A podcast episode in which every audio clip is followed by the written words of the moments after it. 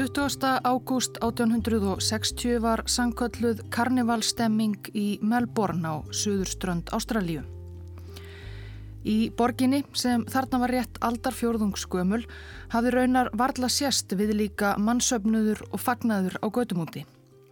Fólk byrjaði að sapnast saman snemmadags í stóra konunglega gardinum Royal Park og þegar leið og daginn voru þúsundir manna þar á vappi, karlar, konur og börn. Framtaksamir borgarbúar notuðu tækifærið og seldu börnum sælgæti og fullordnum bjór að súpa.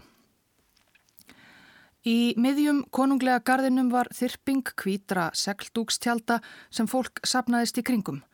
Þetta var þó engin sirkus eins og kannski hefði mátt ætla. Í kringum tjöldin snýrust ábúðarmiklir karlar í enkennisklæðnaði, skarlatsrauðum, peysum og flónelbugsum Á spani milli tjaldana og stóra viðarkassa og tunna sem staplað var allt í kring í mistað skipa fyrir eða taka við skipunum annara. Ímiskonar varningur lág líka á víð og dreifum grasið, verkfæri hverskonar, skotvopn, hús og borðbúnaður, hrúur af vefnaðarvöru og saman reyrðir kindaskrokkar. Í merðinni sást líka nokkrir ungir menn dökkir á hörund í kvítum kuplum með rauða turbana á höfði.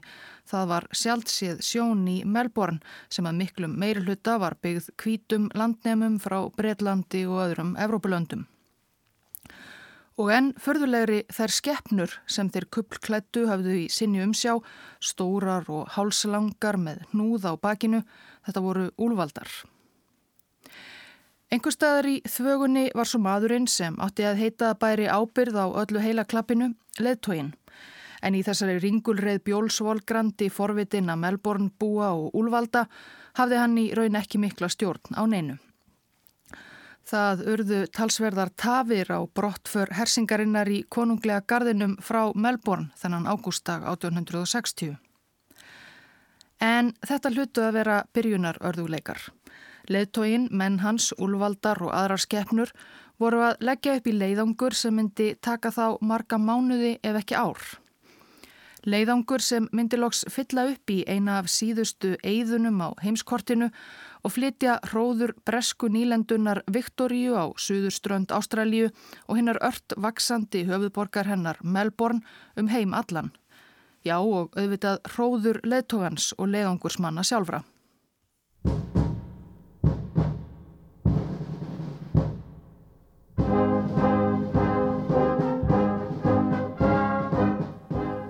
Ringulreiðin í konunglega gardinum í Melbourne varð kannski eftir á að þykja tákn um það sem koma skildi eftir að lagt hafi verið í hann. Þrátt fyrir gleðina í gardinum áttu leiðungursmenn mjög erfiða ferð fyrir höndum og alls ekki allir sneru lifandi tilbaka.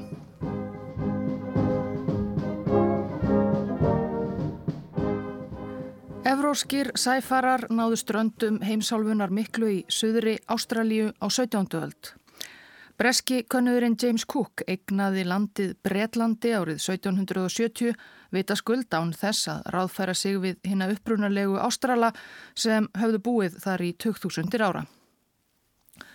27. janúar 1788 settu brettar á stopn fyrstu fanganílenduna í Nýjalandinu við vík nokkra á söðausturströndinni þar sem nú er stórborgin Sydney og er miðað við þá dagsetningu sem upphaf landnáms kvítamannsins í Ástralíu. Með árunum fengu fangar frelsi, frjálsir landnemar frá Breitlandi og víðar settu stað í Ástralíu og byggðin þar siðra óks. Fanganýlendan við Sydneyvík varð smátt og smátt að borg, höfuð byggð bresku nýlendunar nýja söður veils. Byggðin breytist líka út, sér í lagi með fram strandlengjunni.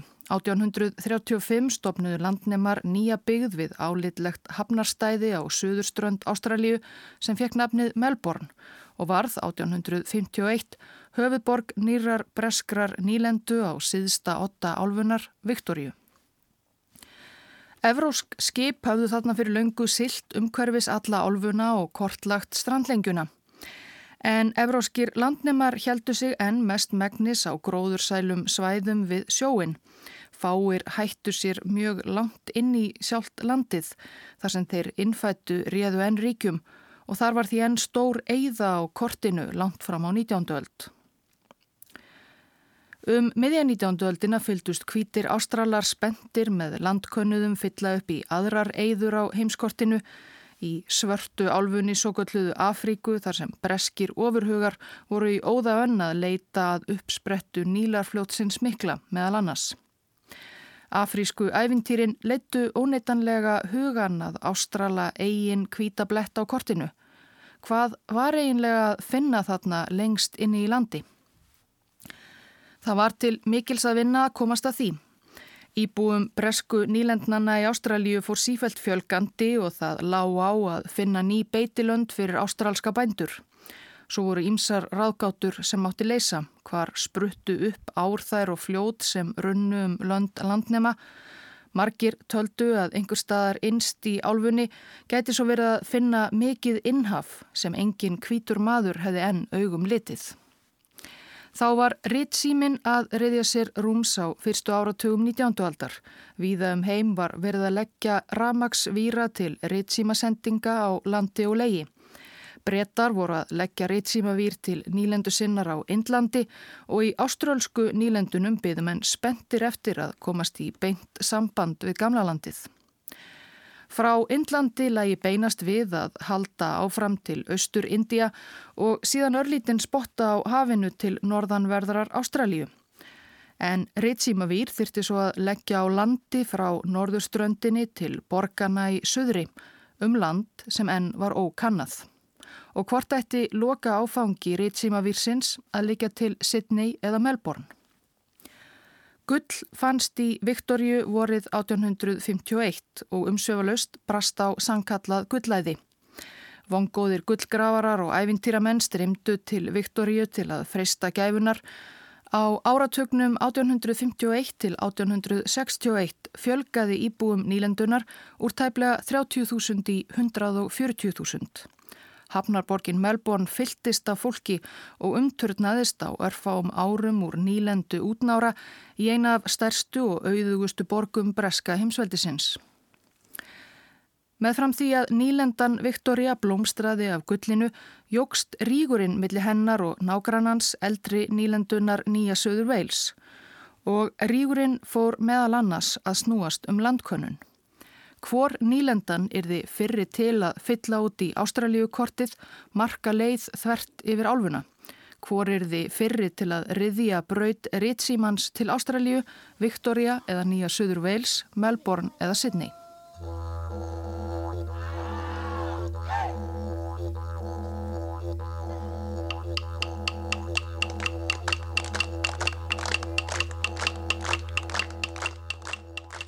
Að sjálfsögðu vildi hinn nýríka nýlenda Viktoria gera sig gildandi með þessum hætti. Spekingar í konunglega vísindafélaginu í Viktoríu, Royal Society, byrjuði að velta vöngum yfir mögulegum könnunar leiðangri þvert yfir álfuna frá suðri til norðurs um 1857 en skipulagning hans komst ekki almennilega af stað fyrir en 1860. Sérstök könnunar nefnd var þá skipuð mönnuð körlum úr vísindafélaginu, félagar voru veitaskuld bara karlar og nefndinni var falið að undirbúa leiðangur mörg þúsund kílometra leið að norðurströnd álfunar. Nemnd þessi rakst strax á vandamál. Nemndarmenn voru flestir vísinda og fræðimenn, kaupsíslumenn og brottborgarar á virðulegum aldri.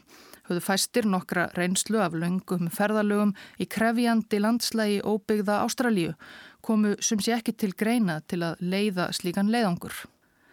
Ímsir kandidatar komu þó til greina eða buðu sig fram.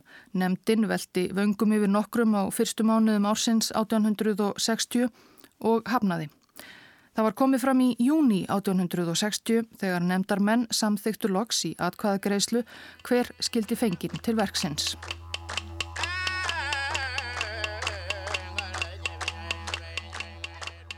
Það er kannski ekki alveg fyllilega ljóst hvers vegna það var þeim eitt Robert O'Hara Burke sem fekk þetta krefjandi verkefni konunglega vísindafélagsins. Burke þessi var fættur 1821 í Galway síslu á Írlandi. Tvítugur gekkan í austuríska herin og var um árabil við störf á norðanverðri Ítalju.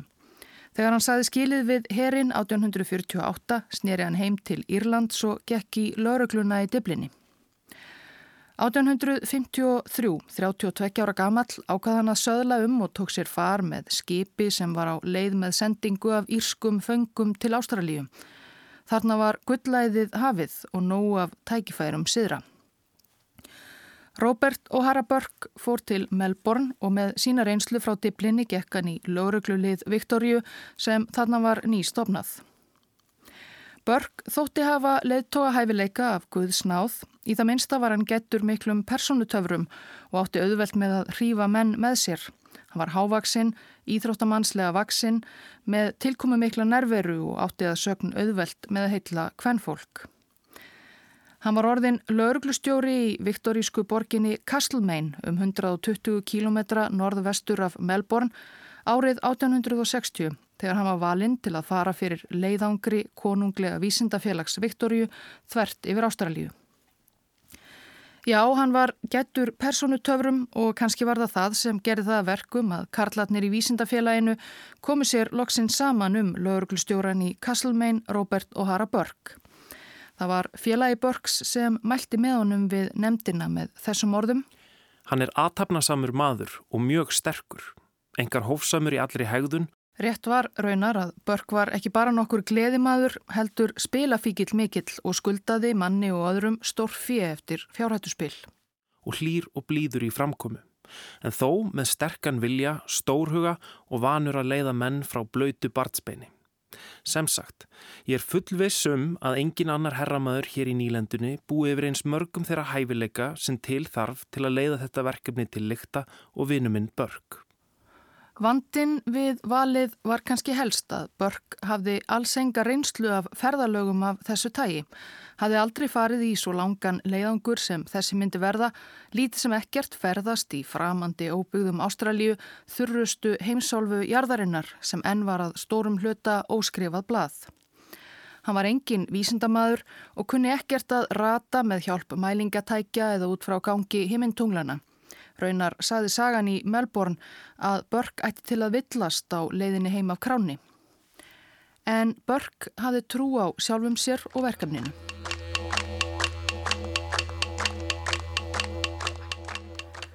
Það var leiðangur Börks og vísindafélagsins, konunarleiðangur Victoria eða Victorian Exploration Expedition sem var í starthólunum þarna í konunglega gardinum í Melbourne 20. ágúst 1860.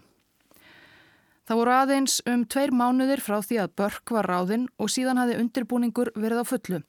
Það þurfti að sapna fjö sem betur fer voru margir auðugýr menn í Melbourne sem vildu styrkja þennan merka gjörning og dágóð upphæð sapnaðist.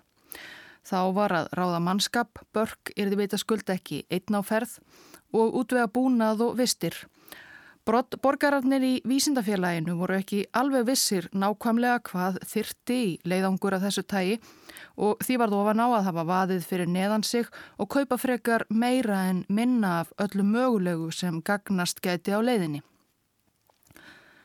Á Indlandi höfðu breskir nýlendubúar komist að raunum ágæti úlvaldans sem gatt þrammað langar vegalengdir með miklar byrðar í miklum hitta og þurfti lítið vatn. Ákveðið var því að kaupa úlvaldahjörð til leiðangursins og flytja frá Indlandi til Ástralíu. Þetta voru ekki alveg fyrstu úlvaldarnir í Ástralíu, einhverjir höfðu fengið svipaðar hugmyndir áður, en í fyrsta sinn sem úlvaldar erðu notaðir til við líka langferða í álfunni. Með úlvöldunum fylgdu nokkrir ungir indverskir menn sem kunnu að sjá um dýrin sepójar, svo kallaðir. Þarfyrir utan var bókstaflega allt til alls eins og stapladnir af kössum og tunnum í konunglega gardinum á fyrsta degi leðangur sinns bár vitni um. Átta tonn af matvöru, þurkuðu kjöti og öðru þurrmeti áttu að segja 20 leiðangursmenn í leiðangri sem myndi taka alltaf tvö ár.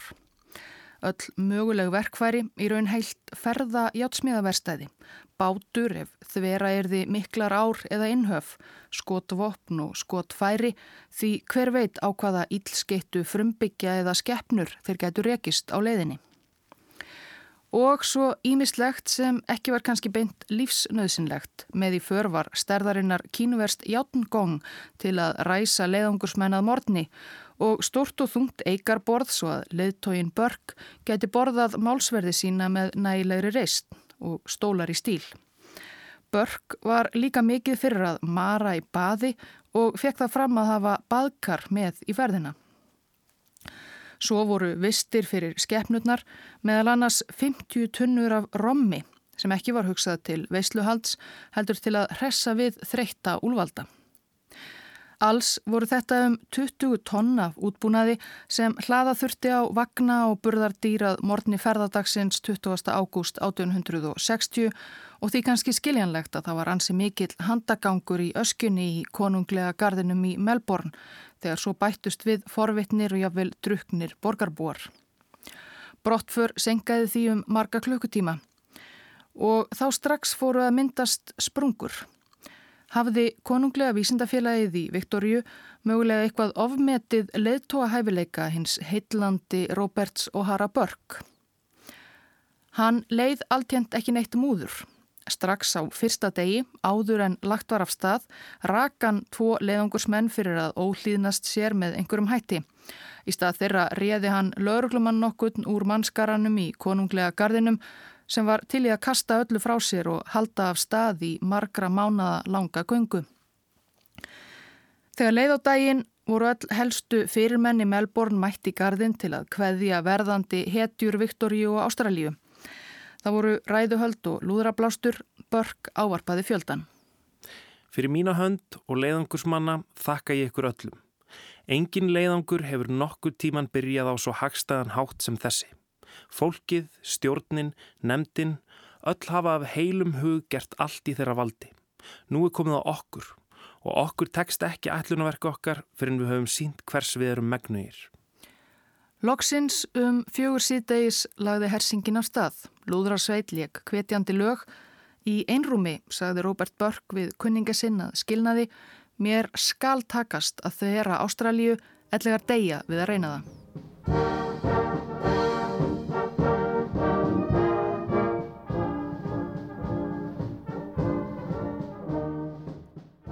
Það voru 19 karlar, 15 af evróskum uppruna og fjórir indverskir úlvaldaknapar, 27 úlvaldar og 23 hestar sem loks lögðu að stað frá Melbourne upp úr fjögur 20. ágúst 1860. Samtals voru þeir með um 20 tonn af vistum og útbúnaði og 6 hestvagna. Fyrir höndum var meira en 5.000 km ferð þið minsta, svona ávið að ganga frá Lundunum til Moskvu og tilbaka, eða svo. Áætlunin var að fylgja fyrstum sinn vextlóðum og þræða smábægi og þorp sem sprottið höfðu upp norðar í Viktoríu á síðustu árum.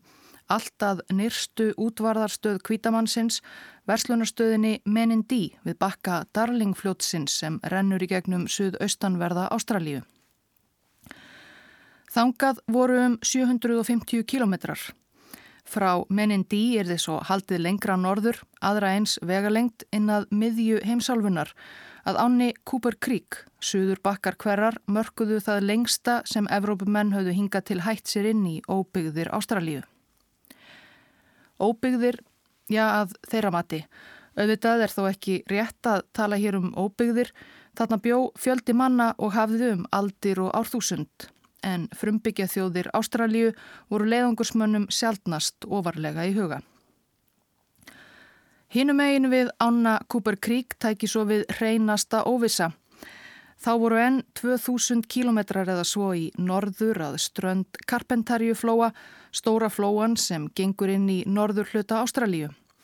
2000 kilometrar yfir landsvæði sem engin kvítur maður hafði augum litið og engin vissi hvað hefði að geima kannski eindóm eðimörk, kannski þykir skóar, kannski stærðarinnar innhaf.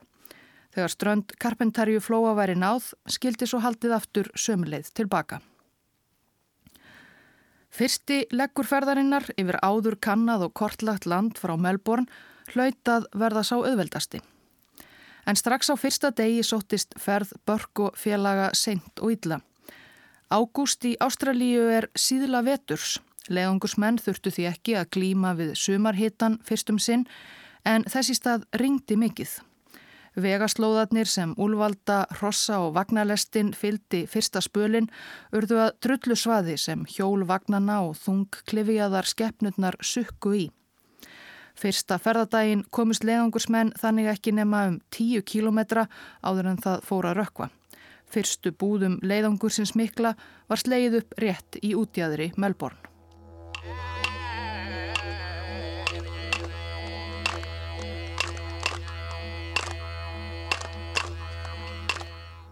Á lokametrunum í undirbúningi leiðungursins höfðu ímsir aðrir möguleikar en svo ferða áætlun sem hér var reyfuð komið til tals.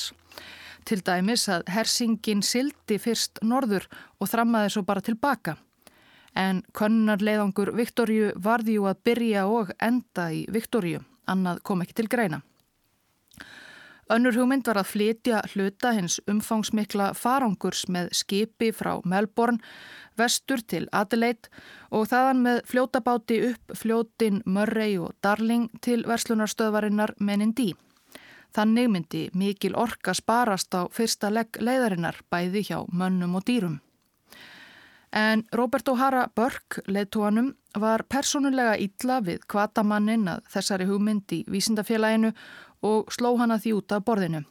Örfáum dögum fyrir brottför frá Melbourne var því ákveðið að þramma með öll 20 tonnin á vögnum og úlvalda og hestbaki alla leiðina. Næstráðandi Burks í leiðangrinum var breskur nýlendu æfintýramaður að nafni George James Landells. Hann hafi verið sendur til Indlands að kaupa úlvaldana og bar því höfuð ábyrð á þessum mikilvægu ferðafélögum. Landells var mjög and um velferð skefna sinna og hafði þannig meðal annars krafist þess að taka með romtunnurnar 50 þeim til hressingar sem og mikið af indversku smjöri sem þeir voru vanir að borða heimafyrir. Ást Landels á úrvöldunum var þó til þess að samskipti hans og Börgs fóru strax ítla af stað. Þar sem allur farangur er því fluttur landleiðina urðu úlvaldarnir að taka á sig þingra hlass en Landels aði reiknað með og ráðlagði. Landels varð ansi ósáttur en það var engu tauti við börk komið. Honum þótti þetta óþarfa degur við skefnunar.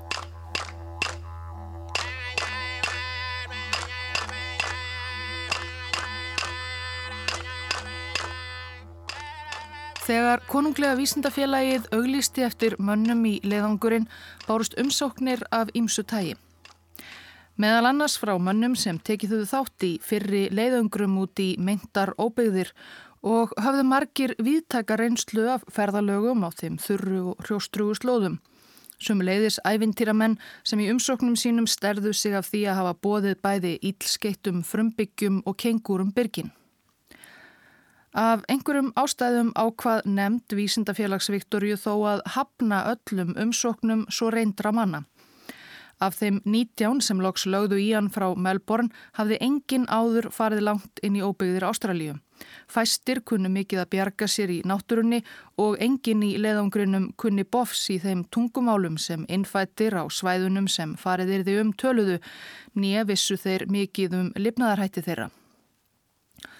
Ekki voru þó allir í ferðinni gjörsamlega vanhæfir. Þriðji í valdastiganum á eftir Börk sjálfum og úlvaldameistaranum Landels var landmælingamadur leðungursins William Wills, 26 ára læknissonur frá Devon á Englandi. Wills bjó alltjent yfir þekkingu og mælingabúnaði til að reikna út áttir og stefnu, nokkuð sem Börk hafði ekkert vit á.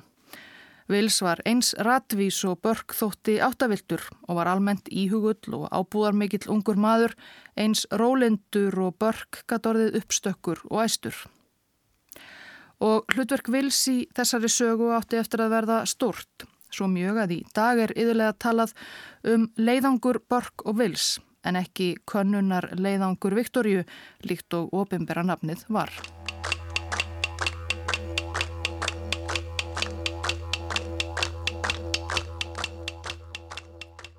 Næstu daga helt hinn mikli konunar leðangur Viktorju áfram ferðsynni löturhægt í norður. Þó að ferðast væri alltaf 12 klukkstundir á dag komust leðangursmenn og dýr jafnan aðeins einhverja kílometra á degi hverjum.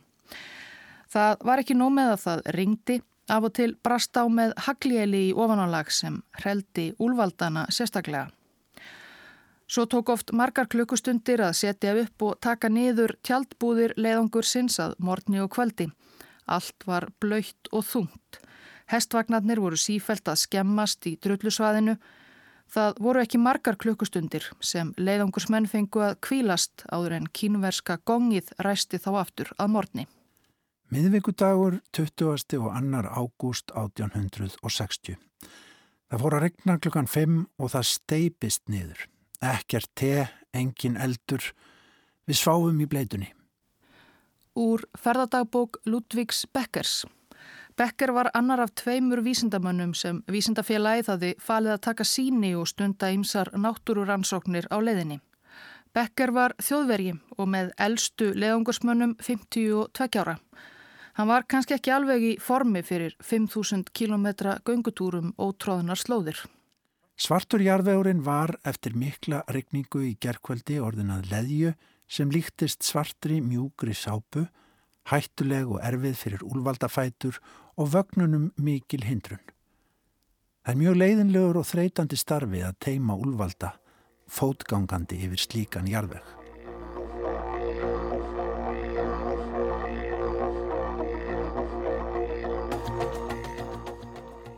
En svona varð ferðalagið að halda áfram, fyrstum sinn í gegnum smábæju og þorp þar sem leðungusmönnum var jafnan tekið með kostum og kynjum.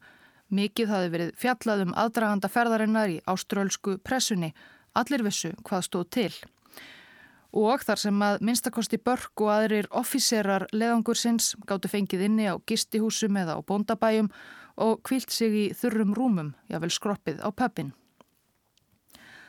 Robert Burke hafði heitlað Karlana í vísindafélagi Viktorju en þegar áreindi var hann alls ekki sérlega farsæl leðtogi, allavega ekki þegar komað mannafóraðum. Hann leið alls ekki neinskonar andof gegn sér og fyrstu vikur leðangursins var hann sífælt að reka óbreyta leðangursmenn fyrir að ólíðnast sér eða þóknast sér ekki á einhvern hátt. Í stað þeirra sem hann rak réði hann bara einhverja sem buðu sig fram í bæjunum sem leiðangurinn fórum fyrsta spölinn. Þessi mikla starfsmannavelta varð ekki til þess að þjappa leiðangusmönnum sérstaklega saman eða bæta móral og aga í rigningunni og drullunni.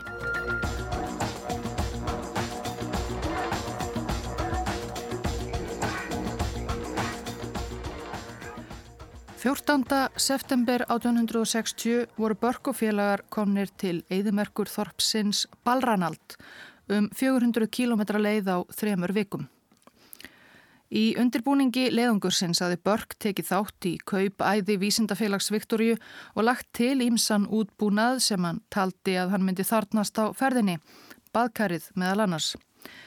En þarna var honum og líklegast öllum öðrum orðið lönguljóst að þeir voru að dragnast með allt, allt og mikinn farangur sem hvorki menn ég skeppnur réðu við að dragnast með í gegnum auður og drullu, regn og jél. Þurftu þeir í raun og veru eigarborðið og stólana, fleiri tunnur af úlvaldarommi, tólf flösubursta og fjórar stólpípur.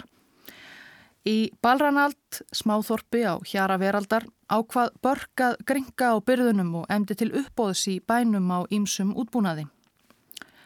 Meðal þess sem hann losaði sig við var ímislegt af ónauðsynleira tægi, til dæmis sérstakar sjúgrabörur til að festa á úlvaldabak, en einnig annað sem aðrir landkönnuðir hefðu talið algjörlega ómissandi, svo sem margar tunnur af límónusafa. Límónusafi getur komið í vekk fyrir að sjóarar og aðrir sem borða þurfa tilbreytingalitla fæðu til lengdar fái skirpjúg, en Börk taldi af einhverjum ástæðum enga sérstaka hættu á slíku. Óþarfa þingsli, burt með það.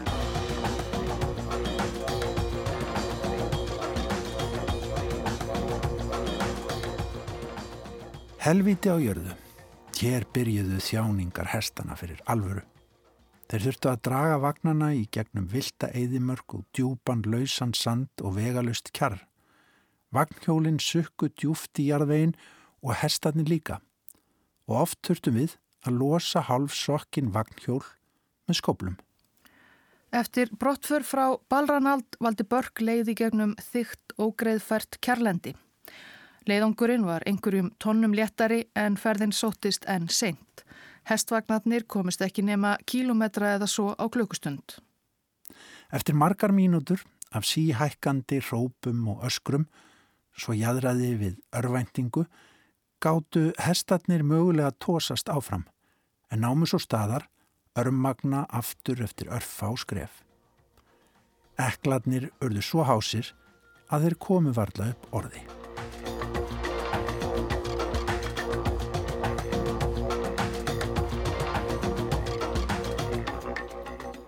Börk var orðið í nöp við allt sem honum fannst hæja ferðans. Þar á meðal voru vísindamennir tveir sem vísindafélag Viktoríu hafði sendt með í ferðina til að kanna dýra og júrtalíf á leiðinni og fleira vísindalegt.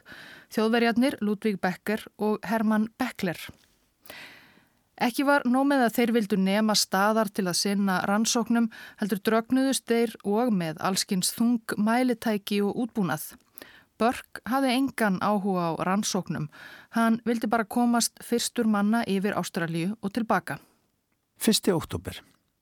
Áður við lögðum í hann sagði herra Börk okkur að frá með deginum í dag erum við að ganga alla leið að Karpentaríuflóa því úlvaldana og hestana þyrti til að bera byrðir.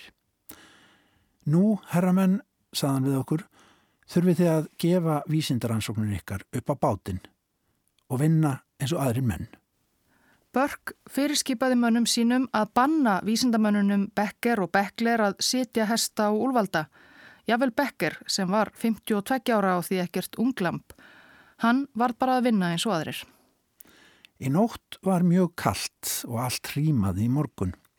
Eftir að hafa ekki sofið í tvær nætur en unnið hörðum höndum að degi til var ég nokkuð slappur en byrjaði að vinna eins og vanalega klukkan 5. Við hlóðum á úlvaldana og vorum reyðbúnir að leggja stað klukkan 11. Engum okkar var sagt hversu langt eða hversu lengi við myndum ferðast þann daginn og það sem ekkert nefn te og keks með smá köldu kindakjöti var búrið fram um morgunin taldi ég að við myndum nema staðar eftir nokkrar klukkustundir og nærast. En ekkert slíkt var leifilagt.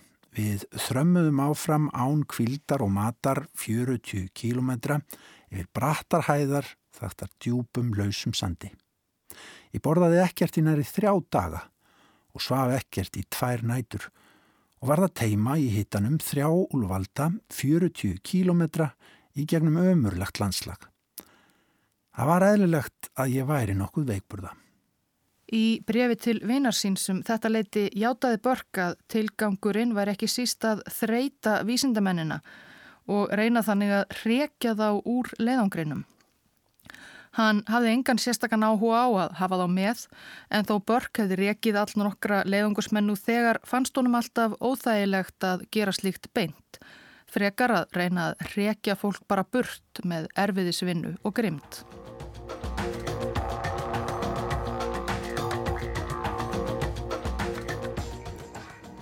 Annan oktober 1860 var leiðangurinn kominn þar sem heitir Bilbarka við bakka Darlingfljótsins. Þar frétti Börk að bátur væri vendanlegur á áni á næstu dögum sem síðan myndi sigla alla leið til Menindí, þangað sem leið Börk og félaga lág einnig. Börk ákvaða að býða bátsins til að geta sendt hluta af farungrinum með honum til Menindí.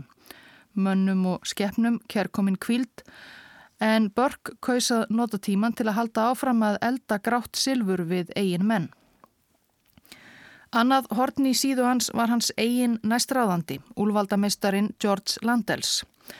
Honum fannst hann enn degra um og við úlvaldana og andmælti alltaf þegar Börk vildi hlaða þingri hlössum á þá til að leta á hestvögnunum. Úlvaldanir fóru hægt yfir og voru sífælt að þvælast eitthvað burt að næturlægi. Svo voru þeir ennað dragnast með margar tunnur af rommi handa skeppnunum. Flestir úlvaldarsérfæðingar nútildags eru sammála um að úlvaldar hafi ekki sérstaklega gott af mikilli romdrykju og óvist hvers vegna Landels fór fram á að rommið yrði með í för. Einn kenning er að hann hafi bara ætlað sér að selja það í þorpunum á leiðinni fyrir smá vasapenninga. En víst er að það kom fyrir að leiðangursmenn stælust í tunnurnar að kvöldi til. En frekari ástæða til að losna við það. Þegar fljótabáturinn Múlgevangi kom loks til Bilbarka 9. oktober var því sem eftir var af vistum og útbúnaði leiðangursins hlaðið um borð. nema rommið var skilið eftir á árbakkanum. Tveimur dögum síðar lögðu leðungusmenn af stað til Menindí, nýrstu byggðar kvítamannsins í Ástralíu. Börk fór á undan með hestana og let landelsum að teima hægfara úlvaldana áfram með vísindamanninum lánlausa Ludvig Becker. Þeir voru yðurlega mörgum klukkustundum á eftir félögum sínum. Becker skrifaði eitt slíkt kvöld. Hvorki ég nýja landels vorum búinir undir slíka ferð og hafðum hvorki votnið þurrt. Áfram heldum við mílu eftir mílu, herra Landels stöulaðist á undan og gatvarla haldi sér vakandi. Ég dró úlvaldana á eftir og skimaði áhyggjufullur eftir varðeldinum okkar. Hvert áfallið rak annað þar til við náðum loks langþráðum tjálstað rétt fyrir miðnætti. Það voru allir sopnaðir en kokkurinn færði okkur tesopa. Landels, Becker og Úlvaldarnir komuloks örþreyttir sólarhingi og eftir börk hinum og hestunum til útvarðar stöðvarinnar Menindí 15. oktober 1860. Í tjaldbúðum leðungursins mætti börk þó Landels ekki sjálfur, heldur þriðji officer leðungursins, landmælingamæðurinn ungi William Wills. Hann var með skilaboð frá leðtóanum, Landels var rekin. Börk hafði ekki trissir til að flytja honum skilabóðin sjálfur. Landels varð æfur. Með hægðun sinni hefur Börk sínt slíkan skort á domgreind, hreinskilni og ásetningi að hann hefur fyrirgert öllu tröstu mínu og virðingu. Já, hægðun hans hefur marg sinni sem verið svo ótrúleg að ég hef haft miklar evasemtur um geðhelsu hans. Skap hans er ódreiknanlegt. Hann gengur með hlaðin skotvapn og oft var ég hrættur um hann myndi nota þau ógætilega í hitta leiksins. Og jú, þegar Börk svo loks byrtist skoraði hann á Landels í einvíi. Það var þó ekki af því. Landels aðist vera komin þangað lengst norður í land til að berjast við eigðimörkina, ekki Börk, og hann sagði upp störfum. Mennitnir yrðu nú að díla við úlvaldana ánans. Landels ætlaði heim. Mögulegum bissubardaga var afstýrt en þetta allt bóðaði þó ekki sérstaklega gott upp á framtíðina. Börk og félagar voru enn í síðmenningunni svo nefndu og fréttir af vendingum í leiðangrinum höfðu borist til Melbourne og í pressuna þar sem fór hörðum orðum um Börk og aðra leiðangursmenn. En sérilagi Börk. Það höfðu alls ekki allir haft sömu trú á hinnum óreinda lauruglustjóra Robert O'Hara Börk og brottborgararnir í Vísindafélagi Viktoríu gerðu. Kæmist hann yfir leitt eitthvað áfram? Leiðangurinn hafði ferðast 750 km frá Melbourne til Menindee á 56 dögum. Vanur hestamaður gatt farið sömu leið á 10 dögum. Af 19 leiðangursmönnum í upphafi höfðu þarna 11 verið reknir eða sagt upp störfum, 5 af 8 sem ráðunir höfðu verið á leiðinni höfðu líka hætt. Og þetta átti að heita auðveldasti leggur ferðarinnar. Allar óbyggðirnar voru eftir, allt það kvíta á kortinu, óþekta. En auðvitað var ekki hægt að hörfa, hætta við. Heiður Börks var í húfi og vissulega hafði hann í upphafi ferðar sagt að hann skildi komast þvert yfir Ástralíu, ellegar deyja við að reyna það.